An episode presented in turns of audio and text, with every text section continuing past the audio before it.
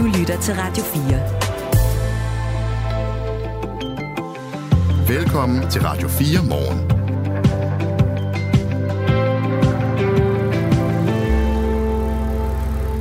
Israels regering har stemt for en aftale, som sikrer frigivelse af 50 af de gisler, som Hamas holder inde i Gaza. Og den her aftale den indebærer, at de 50 gisler vil blive løsladt i løbet af de kommende fire dage, hvor der skal være en pause i kampene. For hver tiende gissel, der bliver frigivet ud over de 50, vil pausen blive forlænget med en ekstra dag, lyder det også i en udtalelse fra den israelske regering. Om øh, cirka 10 minutter, så taler vi med Allan Sørensen, som er mellemøst-korrespondent for Kristi Dagblad.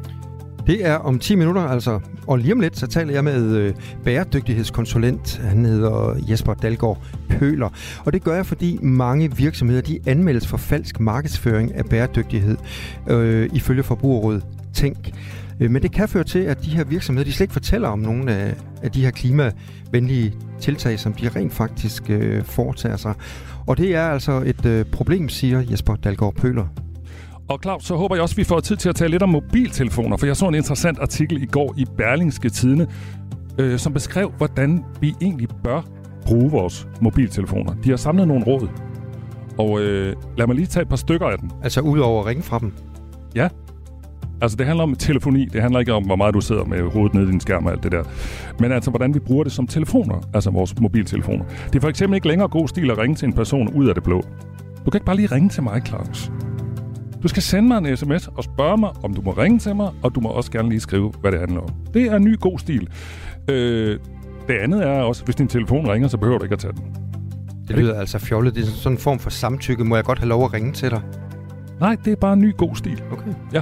Øh, vi dykker ned i øh, den her liste, som øh, Berlingske Tidene altså øh, har, øh, har lavet. Øh, meget interessant, fordi øh, ting udvikler sig, og øh, nu skal vi altså til at opføre os en lille smule anderledes.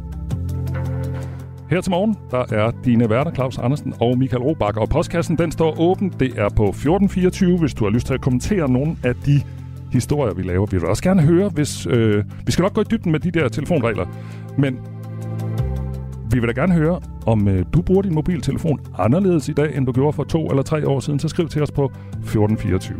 Godmorgen. Godmorgen. Det her er Radio 4 morgen. Når du går ned i det lokale supermarked, så spotter du måske de her markader med øh, klimakylling, altså på fjerkræet, bæredygtig på uldhandskerne for eksempel, eller klimavenligt produceret på det friskbagte rugbrød. Men hvor meget kan du egentlig stole på det?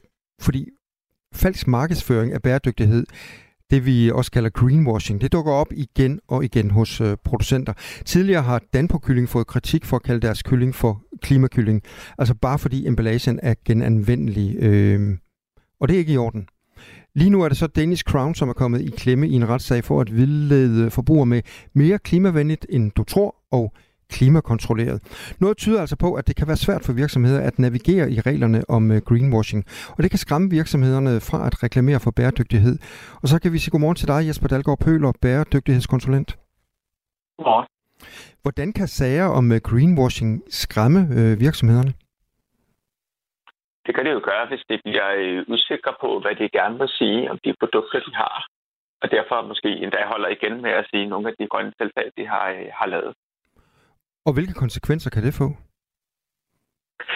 Altså for virksomhederne kan det få den konsekvens, at de enten siger det alligevel, uden at have dokumentation for det, og derfor kan blive anklaget eller måske dømt for greenwashing, Øh, eller det kan være, at de har lavet nogle rigtig gode ting, der er gode for planeten og menneskers ved og vel, og, øh, og som de slet ikke får fortalt om. Og derfor måske endda godt glip af et salg, men ellers i det hele taget bare ikke for, for fortalt om de gode egenskaber ved produkterne. Hvis vi så kigger på det her begreb øh, greenwashing, og nogle virksomheder altså er, er kommet i klemme, hvorfor er det virksomhederne, de øh, gør brug af det? gør brug af greenwashing? Mm. Det er mhm. altså... Jeg tror ikke, der er nogen virksomheder, det håber jeg i hvert fald ikke, der sådan aktivt siger, at de gør brug af greenwashing. Men, Nej, men det ender så men, men der er sikkert nogen, der laver noget, noget markedsføring, øh, hvor de får skruet lidt for meget op for tingene. Og det gør det jo nok, fordi de kan se, at det er den vej, verden er begyndt at gå. Det er det, der begynder at blive efterspurgt. At man har tænkt over klima og miljø og måske dyrevelfærd, måske nogle andre parametre, som øh, øh, trivsel eller øh, menneskerettigheder eller eller andet i sine, øh, i sine produkter. Og så tænker de, den, den vogn skal vi også være med på, for at kunne følge med. Men hvorfor er det et problem, at øh, Danpo Kylling for eksempel, de skriver klimakylling på deres øh, kylling, når nu øh, emballagen den er genanvendelig?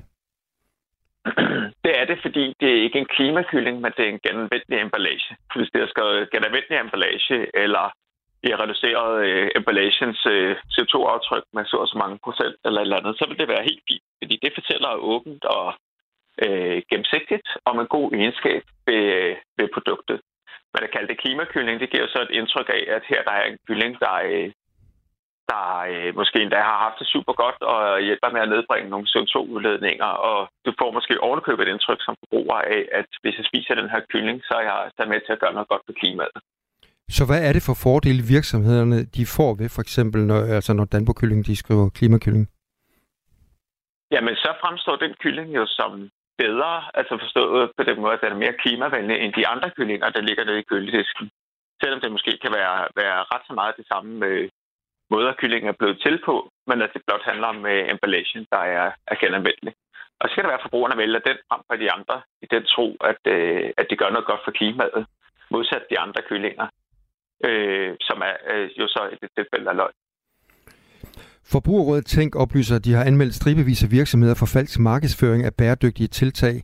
Virksomheder som Arla for eksempel og øh, bikiniproducenten øh, Copenhagen Cartel og energivirksomheden Energi Plus, som alle ifølge Forbrugerrådet Tænk har brugt falsk markedsføring af bæredygtige tiltag. Forbrugerrådet Tænk har også sammen med en række andre europæiske forbrugerorganisationer anmeldt 17 flyselskaber til EU for greenwashing. Det gælder for eksempel SAS, der tilbyder, at man kan betale mere for billetten mod, at de garanterer at købe bæredygtigt brændstof for et tilsvarende beløb. Men det er altså ikke til den flyvning, man selv er med på, men til en fremtidig flyvning. Man kan sætte spørgsmål ved, om øh, brændstoffet overhovedet er bæredygtigt. Vil du sige, at øh, det er bedre at gøre ingenting, end øh, at risikere at markedsføre sig falsk om bæredygtigheden? Øhm, altså lige specifikt i forhold til markedsføring, hvis man er i tvivl om det, man laver, øh, altså har tænkt sig at gå ud og sige, er rigtigt, så ja, så er det bedre at lade være med at sige det, end at gøre det. Men det er altid bedre at lave noget, der er lidt mere øh, klimavenligt end ingenting. Og det skal man, øh, og jeg synes da også, man skal fortælle om det, hvis man gør noget, der er, der er godt. Hvis man har plantet nogle træer, skal man fortælle om det. Hvis man har øh, kørt mere, øh, kørt, flyver med mere bæredygtige brændstof i nogle af sit fly, så skal man da også fortælle det. Men når man, øh, når man giver forbrugerne et indtryk af, at øh, hvis jeg betaler lidt ekstra, så er min flyvning grøn, for eksempel, så er det, så er det et kæmpe problem. Det handler egentlig basically om, at man fortæller øh, det, der er rigtigt, og at man øh, dokumenterer, øh, hvorfor det er rigtigt. Og i dag, der er meget markedsføring. Det er jo, altså, du ser jo glade, øh, glade dyr, der løber rundt og har det super skønt, og du ser vindmøller, og du ser mennesker, der, der krammer i, i stor harmoni, og så noget, altså, som ikke matcher det, det produkt, øh, der bliver fortalt. Og det er det, der er et problem. Jeg taler med Jesper Dalgaard Pøler, der er bæredygtighedskonsulent, og, og Jesper, der er faktisk et par lytter, der spørger, øh, hvor, hvor du er fra. Er, er du selvstændig øh, ja. bæredygtighedskonsulent? Fedt. Det er helt færdigt. Det er også meget forvirrende. Jeg er øh, projektleder på et, øh, et øh, produkt, om, eller hvad hedder det, et projekt på Aalborg Universitet. Det er sådan min øh, fuldtidsbeskæftigelse, og så har jeg min virksomhed ved siden af, hvor jeg er bæredygtighedskonsulent. Så du har to kasketter på? Ja, præcis. så, så Jesper Dalgaard Pøler, hvordan er det så virksomhederne, de skal signalere deres øh, bæredygtighed, øh, hvis det skal stå til dig? Jamen, jeg synes det her med at fortælle åbent og ærligt om det. Den på Kylling må meget gerne skrive, at, øh, at nu har de lavet en, øh, en bedre emballage, eller en emballage i øh, genbrugsplast, øh, eller at de har reduceret deres aftryk, øh, CO2-aftryk med så og så mange øh, procent, eller sådan noget, øh, ved at skifte emballage. Det er super fint. Det er, en, det er en god ting, og det er godt at fortælle om. Øh, så det, det synes jeg da klart, man skal gøre. Så man skal jo egentlig mere fortælle, at vi har sat os det her mål, og nu er vi så så langt på rejsen, eller vi har øh, reduceret med så og så mange procent, eller vi har plantet så og så mange træer. Altså fortælle nogle helt konkrete ting, i stedet for at bruge sådan ord som øh, øh, bæredygtighed, for eksempel, øh, som er, er svært at forholde sig til, og som man ikke rigtig kan måle eller efterprøve, om det så er rigtigt. Nu kører der så en, øh, en sag øh, mod Dennis Crown lige nu. Altså, de har kommet i klemme for at vildlede forbrugere med mere klimavenligt, end øh, du tror, og klimakontrolleret. Sådan en, en sag, kan den så være med til ligesom at, øh, at sætte barn for, øh, hvor langt virksomhederne de kan gå? Øh, ja, ja, det håber jeg da. Jeg håber, at den er med til at, at danne noget sådan præcedens for, hvordan øh, kan man kommunikere om det her. Øh, på Danish Crowns øh, synsvinkel, så er det jo nok øh, mere noget med at, øh, at, at få nogle øh, retningslinjer, så man ikke kommer til at, at uforvarende, øh, uforvarende overskride nogle, øh, nogle linjer, uden at man var klar over det. Altså, det vil gerne have, have sikkerhed for, at man, øh, at man kan stole på, at det, man så kommunikerer, at det, det bliver man ikke øh, slæbt i retten for efterfølgende. Og for Dansk Vegetarisk og for Forbrugerrådet Ting, og sådan, der er det jo der er det mere det her med, at man skal ikke kunne, øh, kunne vildlede i sin markedsføring. Øh, så forhåbentlig sådan der er med til at sige, hvor går grænsen i de forskellige ting. Tak skal du have, Jesper Dalgaard Pøler, bæredygtighedskonsulent og altså også øh, forsker ved Aalborg Universitet. Ah, jeg, jeg er ikke forsker, jeg er bare projektleder. Du er projektleder. Okay, Men så fik det på plads. Ja, det er godt. Tusind tak skal du have, Jesper, fordi du var med her til morgen. Tak fordi jeg var med. Hej. Hej. Hej. Mirko, tror du, jeg på de næste 55 minutter kan blive omvendt til at blive sådan en, en rigtig Swifty, ligesom dig? Jeg tror ikke, vi har brug for 55 minutter. Only in America er Danmarks eneste program dedikeret udelukkende til amerikansk kultur. Er det nu, at vi sætter Crime River på? Ja, det tror jeg ikke, vi skal gøre, fordi... Øh... Er den sang blevet cancelled, eller hvad? Hver uge opdaterer Frederik Dirk Skotlib og Mirko Reimer Elster, der på det vigtigste, vildeste og mest vanvittige fra Guds eget land. Det tror jeg, det, det, tror, det kommer til at ske. altså, jeg tror, at Justin Timberlake er blevet toxic. Lyt til Only in America i morgen kl. 14.05. Radio 4. Ikke så forudsigeligt. Og så skylder jeg faktisk lige at sige, at øh, vi her på Radio 4 har ragt ud til flere virksomheder, som Forbrugerrådet Tænk har kritiseret for det her greenwashing. Copenhagen Cartel, Energi Plus og, og DAT, de har altså ikke vendt tilbage på vores øh, henvendelser. Både Arla og Danpo Kylling, de vil ikke stille op, så længe den her sag mod Danish Crown, den kører, siger de. Det her er Radio 4 morgen. Israels regering har stemt for en aftale, som sikrer frigivelse af 50 af de gisler, som Hamas holder inde i Gaza. Det meddeler premierminister Benjamin Netanyahus kontor i en udtalelse. Aftalen indebærer, at de 50 gisler øh, vil blive løsladt i løbet af fire dage, og det drejer sig angiveligt om kvinder og børn. Og i løbet af de her fire dage vil der altså være en pause i kampene. For hver tiende gissel, der bliver frigivet ud over de 50, så vil pausen blive forlænget med en ekstra dag, lyder det i en udtalelse fra Israel. Allan Sørensen er mellemøstkorrespondent for Kristi Dagblad. Godmorgen. Godmorgen. Hvordan bliver den her aftale taget mod i Israel? Øh, med blandede følelser. Men, øh, israelerne er glade for, at, øh, at de kan se frem til, at 50, mindst 50 vil blive frigivet, måske flere. Men samtidig så øh, sidder der jo stadigvæk, efter den her øh, løsladelse eller frigivelse, vil der stadigvæk sidde øh, et højt antal gisler inde i Gaza, og deres skæbne er ikke afgjort endnu. Så det er, er altså på den ene side modtager man dem med glæde, øh, på den anden side, så ved man, at, at kampen ikke er slut endnu. Men har du nogen idé om, hvorfor man er gået med til det her øh, tal? Altså, for, som du selv siger, så skulle der jo angiveligt sidde omkring 240 gisler. Altså, så der er jo næsten 200, der ikke kommer ud. Altså, hvorfor har man accepteret det her? Er det for at få noget i det hele taget, eller hvad? Ja, det er det. det man tager det, man kan få, og, og det er åbenbart det tal, Hamas har, har øh, fremlagt. Altså, øh, lagt på bordet, og, og det, øh, det har man selvfølgelig diskuteret i den israelske regering, og man er så kommet frem til, at man må acceptere øh, det antal, man kan få i, i øjeblikket, og så se på situationen bagefter. Mm. Ved vi noget om, hvem de her 50 kisler, der bliver frigivet er? Nej, øh, det gør vi ikke. Øh, det forlyder, at det først og fremmest er kvinder og børn. Der er 13 mødre og, og 40 børn øh, i Gaza. Det er 53 sammenlagt. Øh, Hamas siger, at de har kun, i deres fangenskab, har de kun 30 børn og, og, og 8 møder, og resten skulle så sidde øh, taget til fange hos øh, Islamisk Jihad eller nogen af Gazas familier. Men det er uden for Hamas' rækkevidde, i hvert fald ifølge hvad de siger. Så øh, planen er først og fremmest at få de her 30 børn og øh, 8 kvinder, som Hamas, øh, 8 mødre, som Hamas har, få dem frigivet. Israel vil modtage, her i aften vil Israel for første gang modtage en, en liste over de 10 første navne øh, med de personer, der vil blive løsladt øh, i morgen i løbet af torsdagen.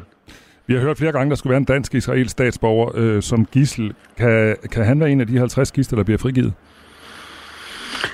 Det, det kan han reelt set godt, men jeg tror det ikke. Altså i og med, at det først og fremmest drejer sig om børn og øh, mødre. Mm. Men øh, det, som I selv sagde, altså hvis øh, de her øh, pauser i kampene, hvis de forlænges ud over de, de første fire dage, ja, så kan flere øh, gisler blive frigivet 10 om dagen, ifølge Hamas. Og hvis øh, det fortsætter, lad os sige, tre dage, med, med, altså hvor 10 gisler bliver løsladt, så er det 30 mere. Og i og med, at det danske gissel er øh, en ældre øh, mand, øh, så kunne man godt forestille sig, at han muligvis, og det siger jeg i al forsigtighed, han muligvis kunne være mellem øh, de næste 30 øh, der vil blive frigivet, altså hvis øh, øh kamppauserne de fortsætter efter øh, de, de kommende fire dage. Vi taler med Allan Sørensen, som er mellemøstkorrespondent for Kristi Dagblad, og vi taler om det her med, at der er udsigt til, at der er 50 gister, der vil blive løsladt i fire dage, og at der også skulle være en øh, pause i kampen i de kommende fire dage. Hvordan er det her så blevet modtaget, øh, modtaget på den anden side, altså inde i Gaza? Øh, først og fremmest øh, er, er det selvfølgelig vigtigt, øh, både for befolkningen, men også for Hamas, at øh, de får fire dages, eller kan se frem til fire dages ro uden israelske angreb. Øh, civilbefolkningen øh, vil søge i, i endnu bedre dækning, end de er i øjeblikket, øh, og det vil de få ro til nede i de sydlige øh, områder. Hamas får lejlighed til at reorganisere sig. Der kommer nødhjælp ind. Øh, der kommer sågar øh, brændstof ind over grænsen fra Ægypten hvilket for Hamas' vedkommende betyder, at de kan få øh, brændstof til deres øh, øh, altså, øh, udluftningssystemer i, øh, i, øh, i det øh, tunnelnetværk, de har. Så alt i alt er det fire dage, der, der øh, altså kommer på, på et tiltrængt, øh, fire dages ro, der kommer på et tiltrængt øh, tidspunkt for, både for civilbefolkningen og også for Hamas. Du var lige inde på det, Allan, altså i forbindelse med den her gisseludveksling og kamppause, så kommer der også øh, noget nødhjælp ind, altså medicin og brændstof. Hvad kommer det til at betyde for den øh, i forvejen ret hårdt, hårdt plade øh, civilbefolkning inde i Gaza? Jamen, al, al nødhjælp er, bliver selvfølgelig taget, taget imod med, med kysshånd. Øh, der er øh, konstant mangel på, på madvarer og også øh, drikkevand. Øh, dels fordi øh, Altså, der, der kommer ikke særlig meget ind, eller der er ikke kommet særlig meget ind indtil videre, men det, der kommer ind, bliver også øh, nogle gange øh, stjålet af de, af de større klaner, så, så de mindre familier får ikke rigtig del i det her. I og med, at der nu kommer mere nødhjælp ind, det er med til at skabe en, øh, altså det, det vil blive bredere uddelt, og, og alle øh, spås at få adgang til den her øh, øgede nødhjælp. Hvordan er situationen i Gazastriben lige nu? Ved du det? Jamen, jeg, jeg, jeg ved det ikke med sikkerhed. Jeg hører det i telefonsamtaler med, med, med folk, der, der fortrinsvis, altså palæstinenser, der opholder sig nede sydpå. Øhm, det, det er en meget, altså der har været regnvejr, hårdt regnvejr her hen over de seneste dage, og det har øh, altså virkelig ødelagt øh, forholdene for mange af dem, der bor under åben himmel. Øhm, mange af dem, der også har et hus at bo i, i, i de sydlige dele, føler sig ikke sikre fordi Israel øh, øh, fortsætter med at angribe, og de, de har angrebet massivt øh, i løbet af de seneste uger. Så der er ingen, altså ligesom, ligesom det har været fra starten, altså efter den 7. oktober, er der ingen steder i Gaza, hvor, hvor folk egentlig føler sig sikre. Og det synes jeg øh, fremstår meget markant, når jeg taler med, med, med personer ind i Gaza. Mm. Vi taler med Allan Sørensen, som er mellemøst-korrespondent for Christi Dagblad, og vi taler om det her med, at der skal frigives 50 gidsler og være en pause i kampene i fire dage. I en udtalelse fra Hamas, der lyder det også, at de her øh, gidsler de bliver byttet for 150 palæstinensiske fanger i israelske fængsler. Øh, og det skulle også handle øh, om, om kvinder og børn, lyder det fra Hamas. Israel nævner, så vidt jeg ved, ikke den her frigivelse øh, af palæstinensiske fanger i deres øh, udtalelse. Hvad, hvad går det her ud på? Ved du det, Allan? Øh, jeg ved det fra israelske medier, øh, og jeg ved også godt, at regeringen ikke har sagt, at, at det er en del af pakken, men ifølge israelske medier, så er det altså en del af pakken, at, at Israel vil give øh, for 10 gisler, for hver 10 gisler vil Israel løslade 30, øh, altså tre gange så mange palæstinensiske fanger. Og, og her drejer det sig om kvinder og, og mindreårige palæstinenser, som, er, som sidder i fængsel for øh, sikkerhedsrelaterede forseelser, øh, men som ikke er, er de altså virkelig tunge øh, sikkerhedsfanger, som, som Israel har i fængslerne, altså dem, der har begået mor øh, på øh, israelere og, og, og terrorangreb. det er i den lettere afdeling, altså kvinder og øh, mindreårige, og jeg kunne forestille mig, at der måske er mindreårige, der har kastet med sten efter de israelske soldater osv. Mm. Det er dem, der vil blive frigivet til gengæld for, for de her gisler fra Hamas. Sådan så Allan Sørensen, som er mellemøstkorrespondent for Christi Dagblad. Tak fordi du var med her, Allan. Selv tak. Michael, mens du har siddet og talt med Allan Sørensen, så har vi fået en øh, sms fra en, der skriver, læser I ikke sms'er op, når der ikke er en voksen på arbejde? Jeg ved, hvem den voksne er. Altså, så vi er alle voksne begge to. Du er 53, her er 58, jeg vil sige, at vi er fuldvoksne. Det må man sige. Jeg er faktisk 54, ja. så jeg er endnu mere voksen. Vi skal nok læse nogle sms'er. Det kommer lige om lidt. Det her er Radio 4 morgen.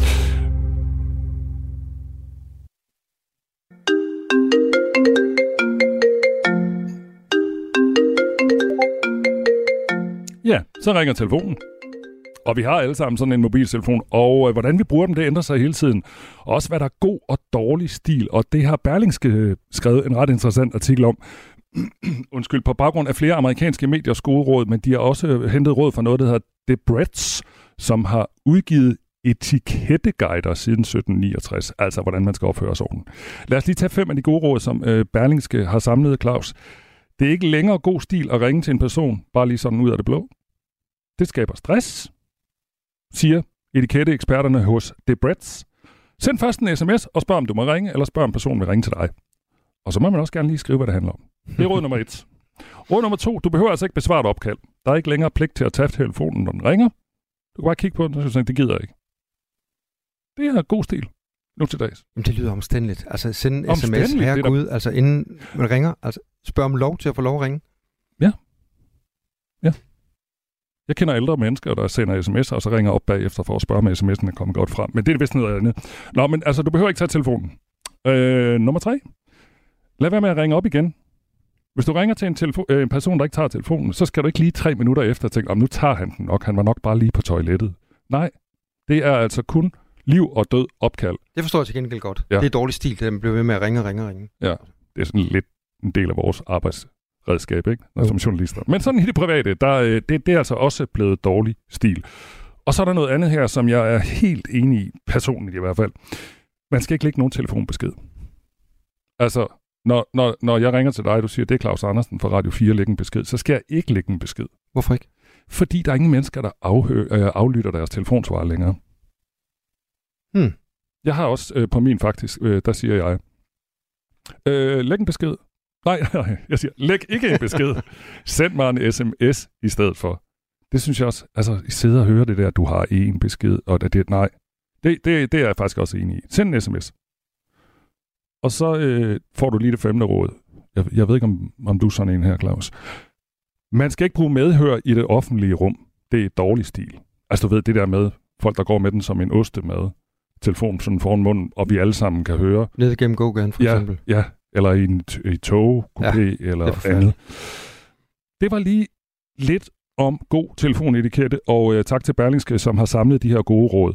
Og nu var der en, der skrev til dig, øh, eller til os, øh, om øh, vi slet ikke læst nogle sms'er op. Øh, og vi har da faktisk fået et par stykker på øh, den her historie, altså hvordan man øh, bruger sin telefon, og hvordan det ændrer sig, hvordan øh, hvad god opførsel er i forhold til at bruge mobiltelefonen. Der er en, der skriver her, jeg var mega fan af iPhones og har haft alle modeller, ligesom jeg var vild med de sociale medier. Nu synes jeg mest af alt begge dele er trælse og irriterende, så jeg har begrænset brugen af begge. Det er sådan lidt mere den personlige side, men det taler jo meget godt ind i det her øh, med, hvordan vi bruger vores telefoner.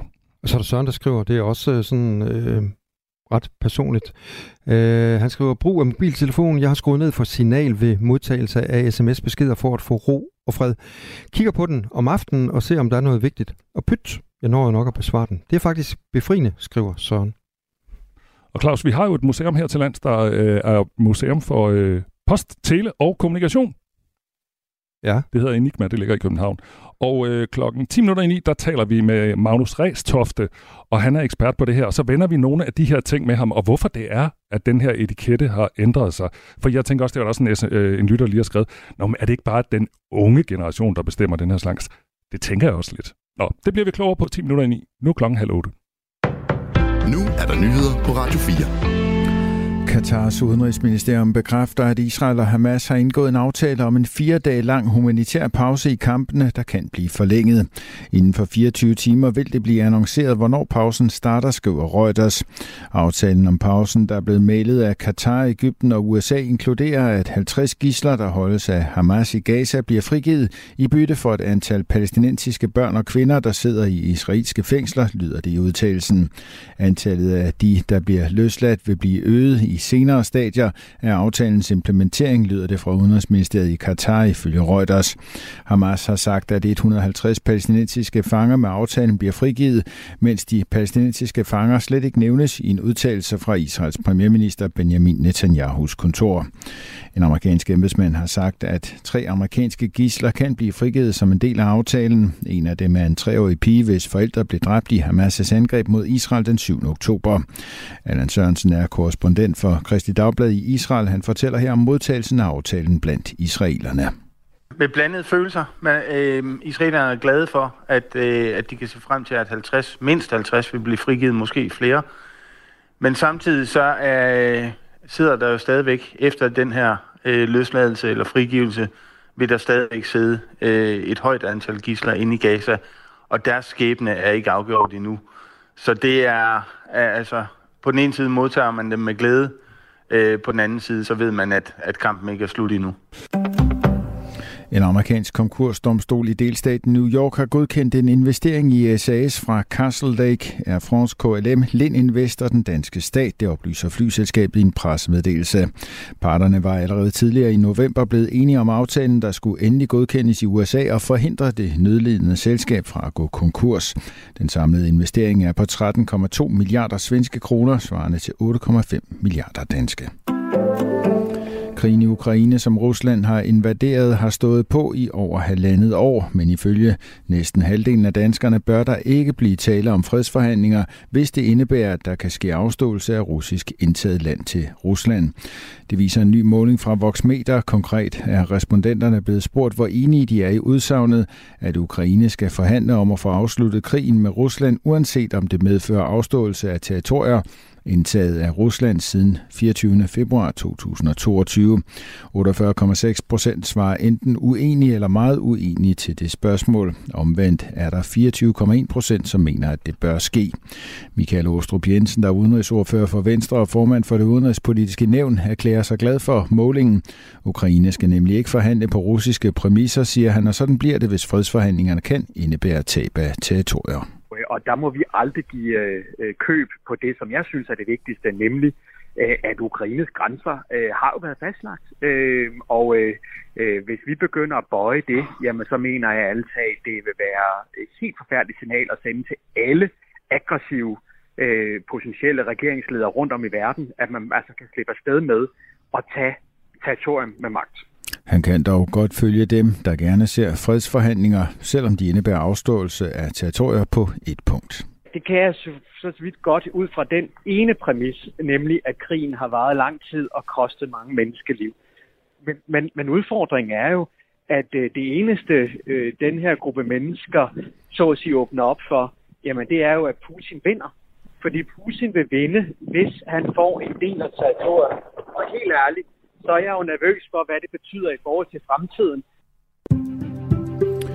Overskyet med regn fra nordvest, der lokalt kan starte som slud. Temperaturer op mellem 3 og 10 grader varmest mod vest. Vinden tiltager til mellem frisk vind og hård kuling omkring sydvest med risiko for vindstød af stormstyrke. Det her er Radio 4 morgen. Husk, at du kan sende os en sms på 1424. Før nyhederne, der talte vi om telefonetikette. Det var Berlingske Tidene, der har, eller nu hedder det vist bare Berlingske, som har samlet nogle gode råd. Det er blandt andet ikke længere god stil at ringe til en person ud af det blå. Man behøver heller ikke øh, længere tage telefonen. Er det ikke skønt, når den ringer? Man kan bare øh, lade den ringe. Og så, så er det go- også god stil at lade være med at ringe op to gange. Altså, hvis, den, hvis jeg ringer til dig, Claus, og du ikke tager den første gang, så skal jeg altså ikke lige ringe to minutter efter. Dårlig stil. Flere andre øh, gode øh, etiketteråd har Berlingske samlet. Og vi bad øh, jer lytter om at skrive lidt til os på øh, 1424 om øh, telefonetikette. Og det er der, der er nogen, der har gjort. Ja, der er en, der sender knus til os. Ja, dejligt. Hun siger, jeg vil bare sige, at jeg er glad for de nye regler omkring telefonetik. Det er skønt ikke at skulle tage telefonen, at slippe for indtalte beskeder og at kommunikere via sms. Knus fra mig. Mhm. Øh, skal vi lige sige til den øh, venlige knusende lytter, at det er jo ikke sådan regler, regler. Altså, det står ikke i lovgivningen. Det er bare sådan god råd. Der er også en, der skriver, Hej, hvis ikke du har tænkt dig at besvare din telefonsvar øh, svarbeskeder, hvorfor slår du så ikke telefonsvaren fra?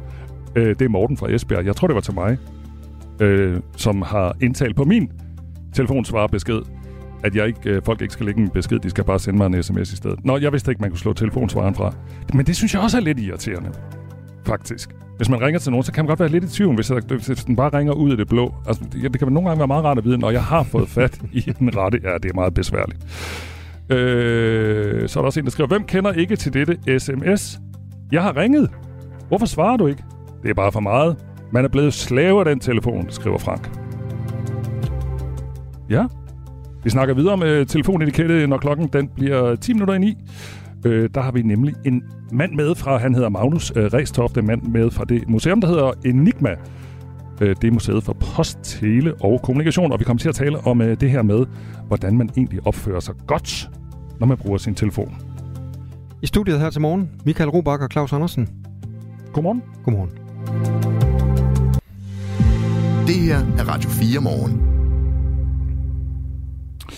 Alle bybusser, bybusser skal være CO2-neutrale i 2030. Det mener EU-parlamentet, der netop har stemt et forslag igennem, der skal sætte nye standarder for tunge køretøjer som lastbiler og busser. Men det er ikke en nyhed, der skræmmer de danske busser og trafikselskaber, fordi øh, de er faktisk rigtig godt med her på den øh, grønne omstilling. Radio 4 Morgen har lavet en rundringning til fem af landets største selskaber, og der er svaret klart og tydeligt. De kan sagtens nå at blive CO2-neutrale i 2030, de her trafikselskaber. Hos Movia, der driver busser på Sjælland og i København, er der ingen bekymring for parlamentets deadline. De arbejder nemlig allerede med den øh, ambition her, siger Jesper Gård, Jeppe Gård, der er områdeschef ved trafikselskabet. Kom her. Altså, vi har et mål, der helt formelt hedder, at vi skal være fossilfri i 2030, og så skal halvdelen af busserne være elbusser. Og det der med halvdelen af elbusserne, det når vi før 2030. Det der med det fossilfri, øh, det, det, øh, det kan vi jo så nå i 2030 ved at, at hælde øh, biobrændstof på de motorbusser, der måtte være tilbage. Og der er faktisk nogle steder i landet, hvor, der, øh, hvor de er endnu længere med den grønne omstilling. Louise Christine Rasmussen er kommunikationskonsulent ved Sydtrafik, der står for den kollektive trafik i Syd- og Sønderjylland. Godmorgen. Godmorgen. Hvor langt er I øh, fra det her mål, øh, som EU-parlamentet stiller om, at øh, øh, i, i 2030? Vi er rigtig tæt på. Øhm, I vores fire største byer, der er vi øh, 100% CO2-neutrale. Vi har yderligere tre øh, større byer, der kommer på her i, øh, i 24, og så er der en, en enkelt bybus tilbage, der så bliver skiftet i 25. Så der, der når vi målet. Det går da meget godt. Ja. Radio 4 har som sagt talt med de fem største trafikselskaber i Danmark. Øh, Midt Trafik siger, at det ikke bliver noget problem at nå øh, målene i 2030, og størstedelen af bybusserne i Nordjyllands trafikselskab er allerede på el, og derfor bliver det heller ikke noget problem i Nordjylland, siger de. Fyns Bus regner med, at deres busser er øh, CO2-neutrale i 2027, og lige nu der taler vi med Louise Christine Rasmussen, som er kommunikationskonsulent ved Sydtrafik. Hvordan kan det egentlig være, at I er så øh, godt med i Sydtrafik? Øhm, lige præcis bybusser, der er der faktisk en rigtig god business case for at skifte til, øh, til el, til emissionfri kørsel.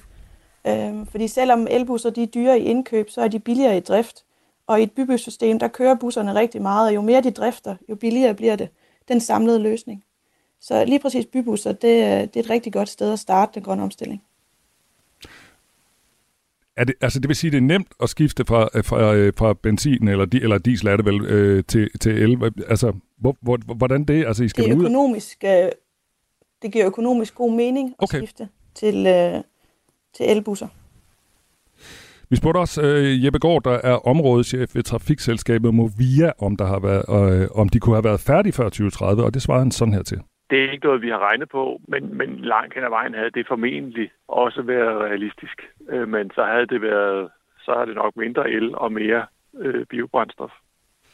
Hvordan er oplevelsen egentlig for kunderne, øh, øh, Louise Christine Rasmussen? Er der, er der ingen øh, ulemper ved det her med at køre CO2-neutralt? Nej, altså elbusserne, de, er jo, de larmer mindre, så det er både indvendigt og udvendigt. Øhm, og det her med, at vi ikke har udledning af partikler fra elbusser, betyder også noget rigtig godt for bymiljøet. Så det er bare øh, win-win? Det er det, ja. Har I, egentlig, øh, har, I, har I regnet på, hvor meget CO2 man sparer, øh, når I gør det på den her måde? Øh, det er ikke lige et tal, jeg har nu her, nej. Klokken den er også kun 20 minutter i 8. Jeg går ud fra, at du ikke er mødt på arbejde og kan kigge ned i tallene. Synes du så egentlig, at øh, EU-parlamentets målsætning er for uambitiøs, når I nu øh, er kommet så langt i sydtrafik? Det synes jeg er svært at udtale mig om, for det kan jo være en helt anden situation i nogle andre lande i ja. EU. Øhm, men jeg vidste godt, at vi i Danmark ikke vil få problemer med den målsætning. Mm. Sådan sagde Louise Christine Rasmussen, kommunikationskonsulent ved Sydtrafik, på en positiv historie her til morgen. Tak fordi du var med. Det var så let. Og når jeg siger på den her måde positiv historie, så er det fordi, vi her i løbet af morgenen, og det får vi jo lidt for tiden, øh, har fået nogle sms'er om, åh, oh, det er lidt tungt, og det er næsten hver gang, vi laver noget om Israel og Gaza, at der er nogen, der skriver, at det er lidt tungt, og det kan vi også godt forstå, men vi prøver jo at dække, hvad der sker i verden, og det man kan sige, det er måske øh, lige præcis her til morgen faktisk en positiv nyhed om, at altså fra Israel og Gaza, om at der bliver frigivet gisler, og at der nu også bliver fire dages kamppause, hvor det bliver mulighed for at køre ind med nødhjælp og den slags. Mm-hmm. Så vi lytter. Vi prøver også at være lidt positive. Klokken den er 7.41. Det her er Radio 4 morgen. Jamen så lad os da begynde her. Håndbold-VM for kvinder lige om lidt. 29. Ja. november, så går det løs. Skal du se det? Jeg er ligesom de fleste andre danskere, tænker jeg, jeg melder mig sådan lidt på, når, hvis det går godt. Altså, øh, nu, nu ved jeg ikke lige, hvordan turneringsformen er, men jeg går ud fra, at der er nogle puljer, og så kan man gå videre. Og jeg vil sige, når ja, vi sådan begynder at gå videre, så er jeg øh, klar med øh, klappepølserne og øh, chips og øl i sofaen. Og det kan da også godt være, hvis ikke jeg skal andet, jeg ser nogle af de indledende kampe. Men jeg tror, jeg er som folk er flest. Øh, jeg melder mig på i løbet af turneringen. Sådan har jeg det også. Og det er måske egentlig lidt, øh, lidt ærgerligt, øh, hvis vi øh, kigger på den historie, jeg er på vej til at fortælle nu, fordi øh, jeg tror, der er rigtig meget ramachan i, øh, i kvindehåndbold. Der bliver i hvert fald delt nogle håndmader ud i den danske VM-lejr. Og håndmader, det er sådan et udtryk for, øh, når det går sådan lidt øh, hårdt for sig, ikke? at man, man skubber lidt øh, til hinanden.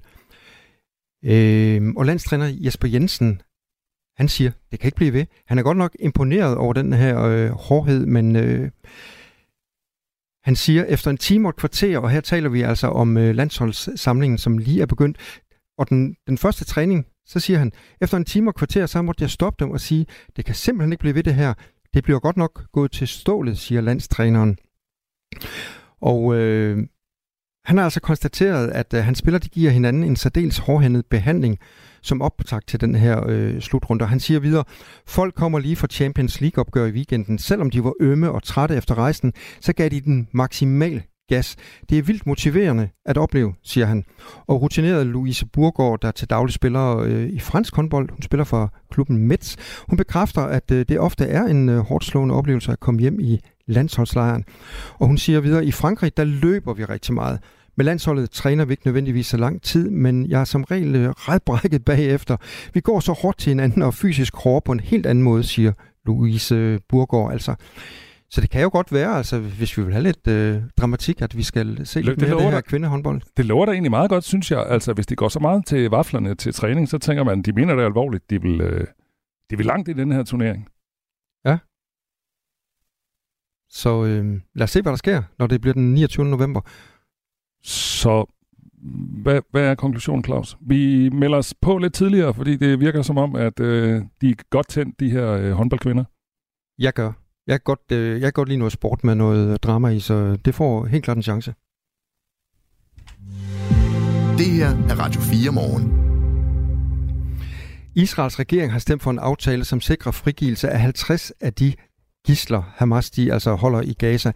Det meddeler premierminister Benjamin Netanyahus kontor i en uh, udtalelse her til morgen. Og den her aftale den indebærer, at de 50 gisler vil blive løsladt i løbet af fire dage. Det drejer sig fortrinsvis om kvinder og børn. Michael Schøberg er gisselforhandler og uh, kropssprogsekspert. Godmorgen. Godmorgen. 50 gisler skal nu frigives. Uh, der er vel tale om en ret stor frigivelse, er der ikke? Og det er der. Altså, øh, vi mener jo, om der, der er omkring 240 mennesker tilbageholdt af Hamas inde i, øh, inde i Gaza, så øh, 50 mennesker er en, en, en, en ret stor andel af, af, af det samlede antal.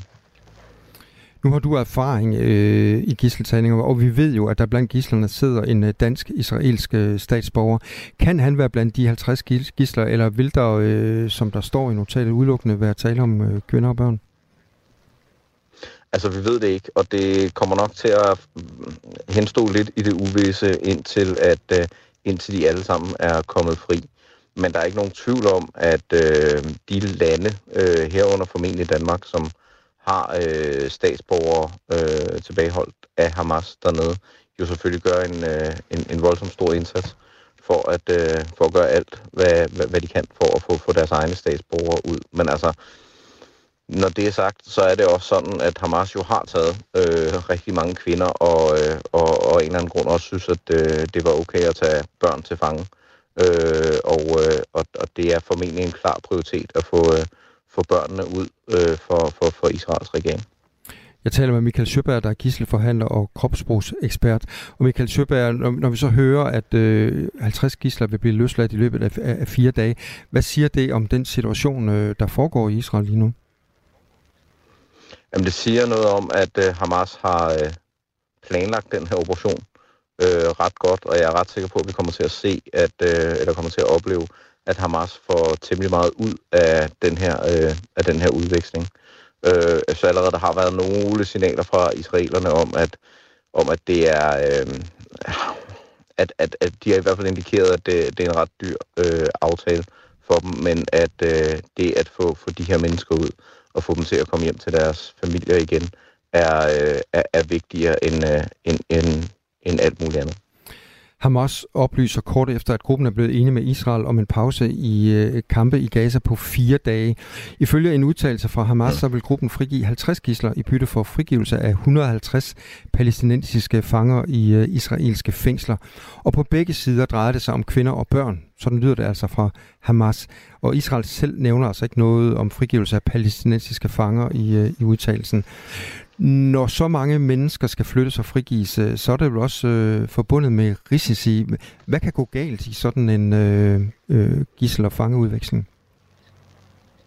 Jamen altså, til, til en start, så kan man sige, at øh, det, der, der pågår jo en krig, og øh, i, i og med, at der skal være pause i kamphandlingerne, hvilket sådan i parentes bemærket øh, formentlig er en ret stor sejr for, øh, for, for Hamas, fordi øh, efter en del ugers øh, øh, ret, intens, øh, ret intense angreb fra, fra øh, israelernes side, så har de formentlig også brug for at kunne rykke rundt på deres krigere og på deres våben inde i, inde i Gaza.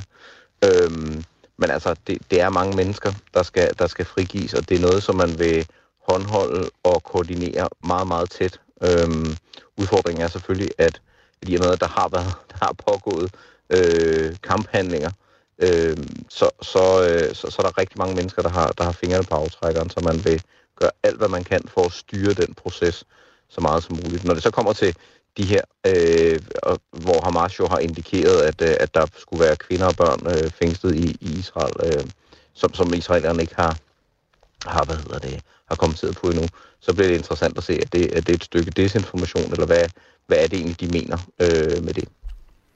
Michael Sjøberg, gisselforhandler og kropssprogsekspert. Kan man øh, udpege en vinder af den her forhandling? Eller er, er der en side, der står stærkere end, end den anden, vurderer du? Altså man, man kan sige, alt andet lige, så gælder det om at få de her civile, uskyldige mennesker til at overleve, øh, som, som har været til, til fange i, i mange uger nu. Øh, og så, så det er i sig selv en, en sejr.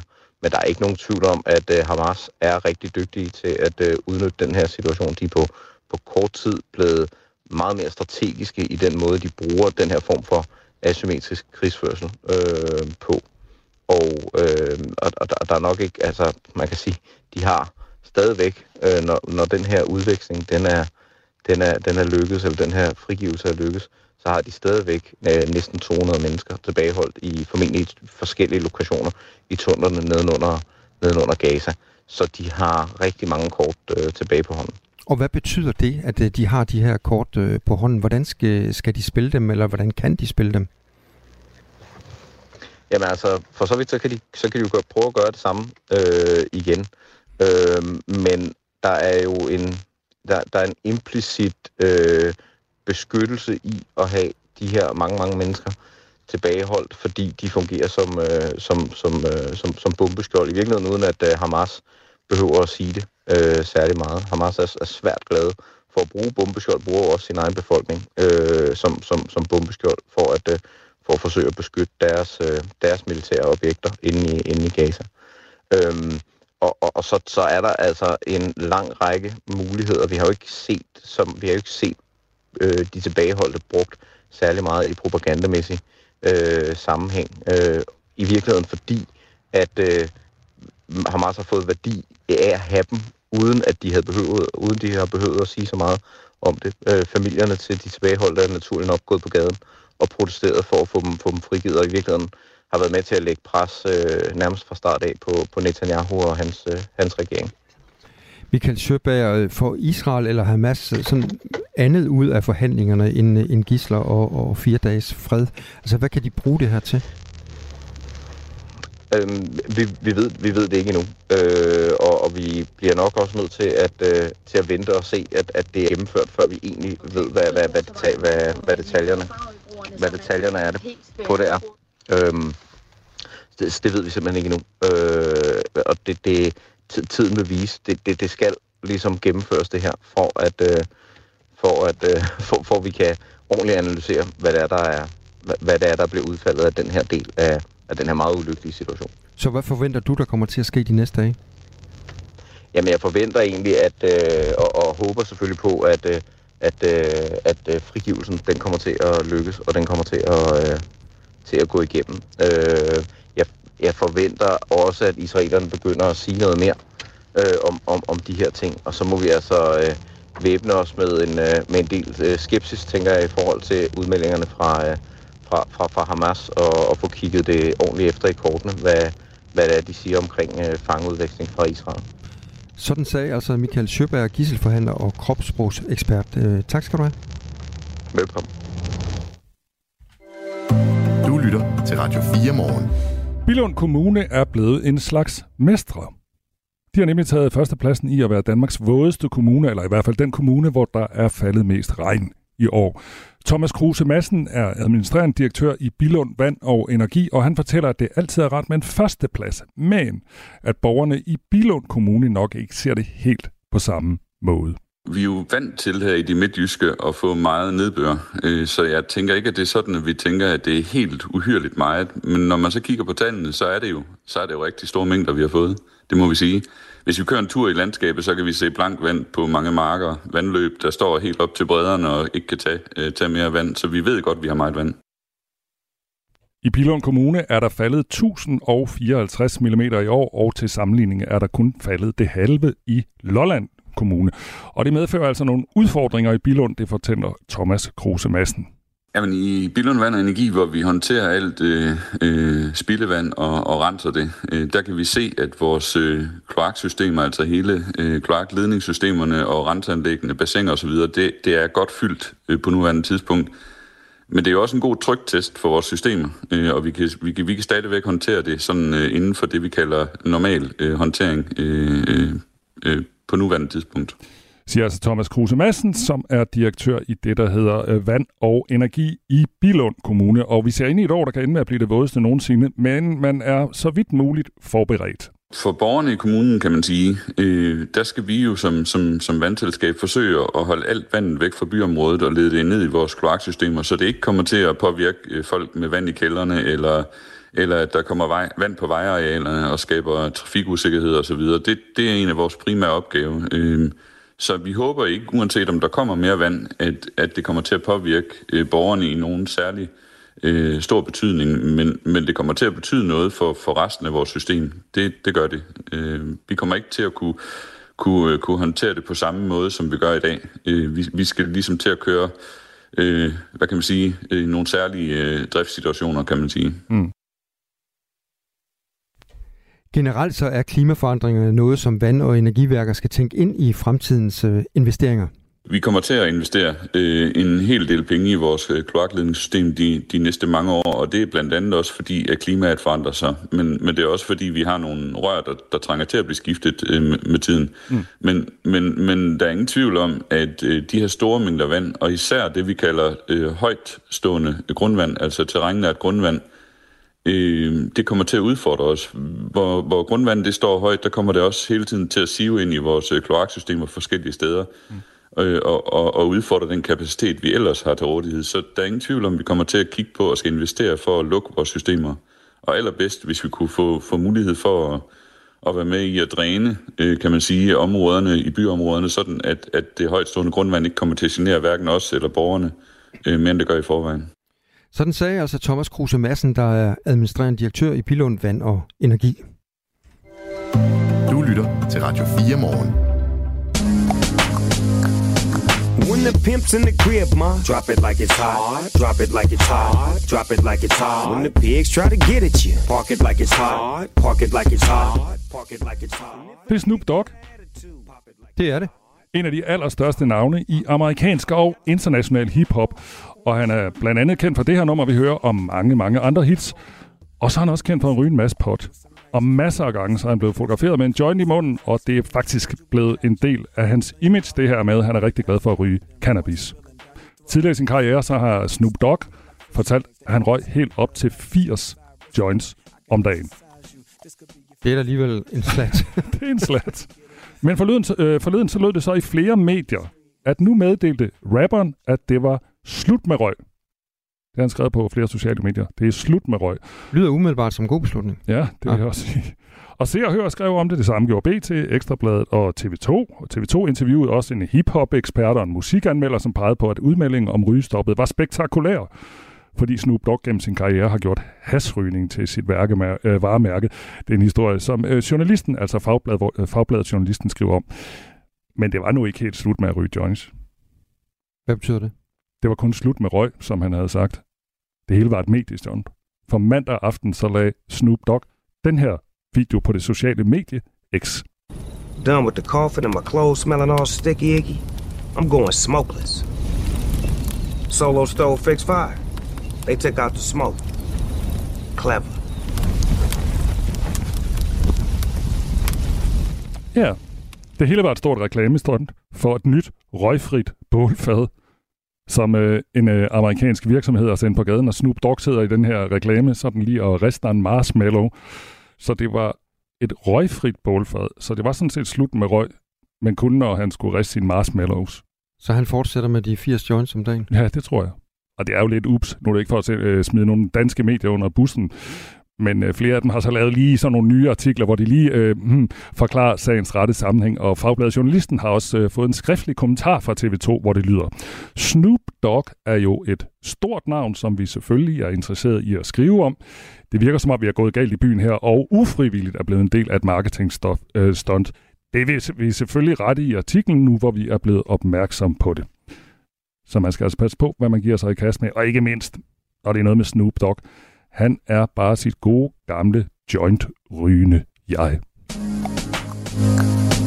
When the pimp's in the crib, ma, drop it like it's hot. Drop it like it's hot. Drop it like it's hot. When the pigs try to get at you, park it like it's hot. Park it like it's hot. Park it like it's hot. And if a Det her er Radio 4 morgen. Det var jo så sidste weekend, at uh, Troels Lund Poulsen han blev uh, valgt som uh, formand for Venstre. Det er rigtigt. Ja, han er jo også øh, både forsvarsminister og økonomiminister, men han har så også lovet Stefanie Lose, som blev næstformand øh, for Venstre, at hun skal have en ministerpost. Det spændende er så nu, om øh, hun per automatik så får øh, den ene af de her opgaver, han har, forsvarsminister eller økonomiminister. Hun var jo øh, vikarierende økonomiminister, da Jakob Ellemann, han var, han var sygemeldt. Øh, så når klokken den bliver på den anden side af 8, så skal vi tale med Jakob Brun, han er tidligere særlig rådgiver i Venstre, og han hjælper os med at, at spotte om, hvordan den her ministerrokade den kommer til at se ud. Altså, hvor skal vi sætte vores penge? Ja, vi prøver at lave nogle odds sammen med ham, for øh, finde ud af, hvad er det for en slags ministerrokade, der forventeligt kommer i den her uge. Vi skal også tale om en ny invasiv krabbeart, der har slået sig ned i Limfjorden. Mm, spændende. Ja, og den hedder penselklippekrabben. Og øh, DTU øh, Aqua håber på, at du måske kan hjælpe med at øh, blive klogere, eller øh, håber på, at hvis man møder den, at man så tager den, slår den ihjel, eller afleverer den til en zoologisk have, fordi den er nemlig invasiv. Det er efter nyhederne, nu klokken 8. Du har lyttet til en podcast fra Radio 4. Find flere episoder i vores app, eller der, hvor du lytter til podcast. Radio 4. Ikke så forudsigeligt.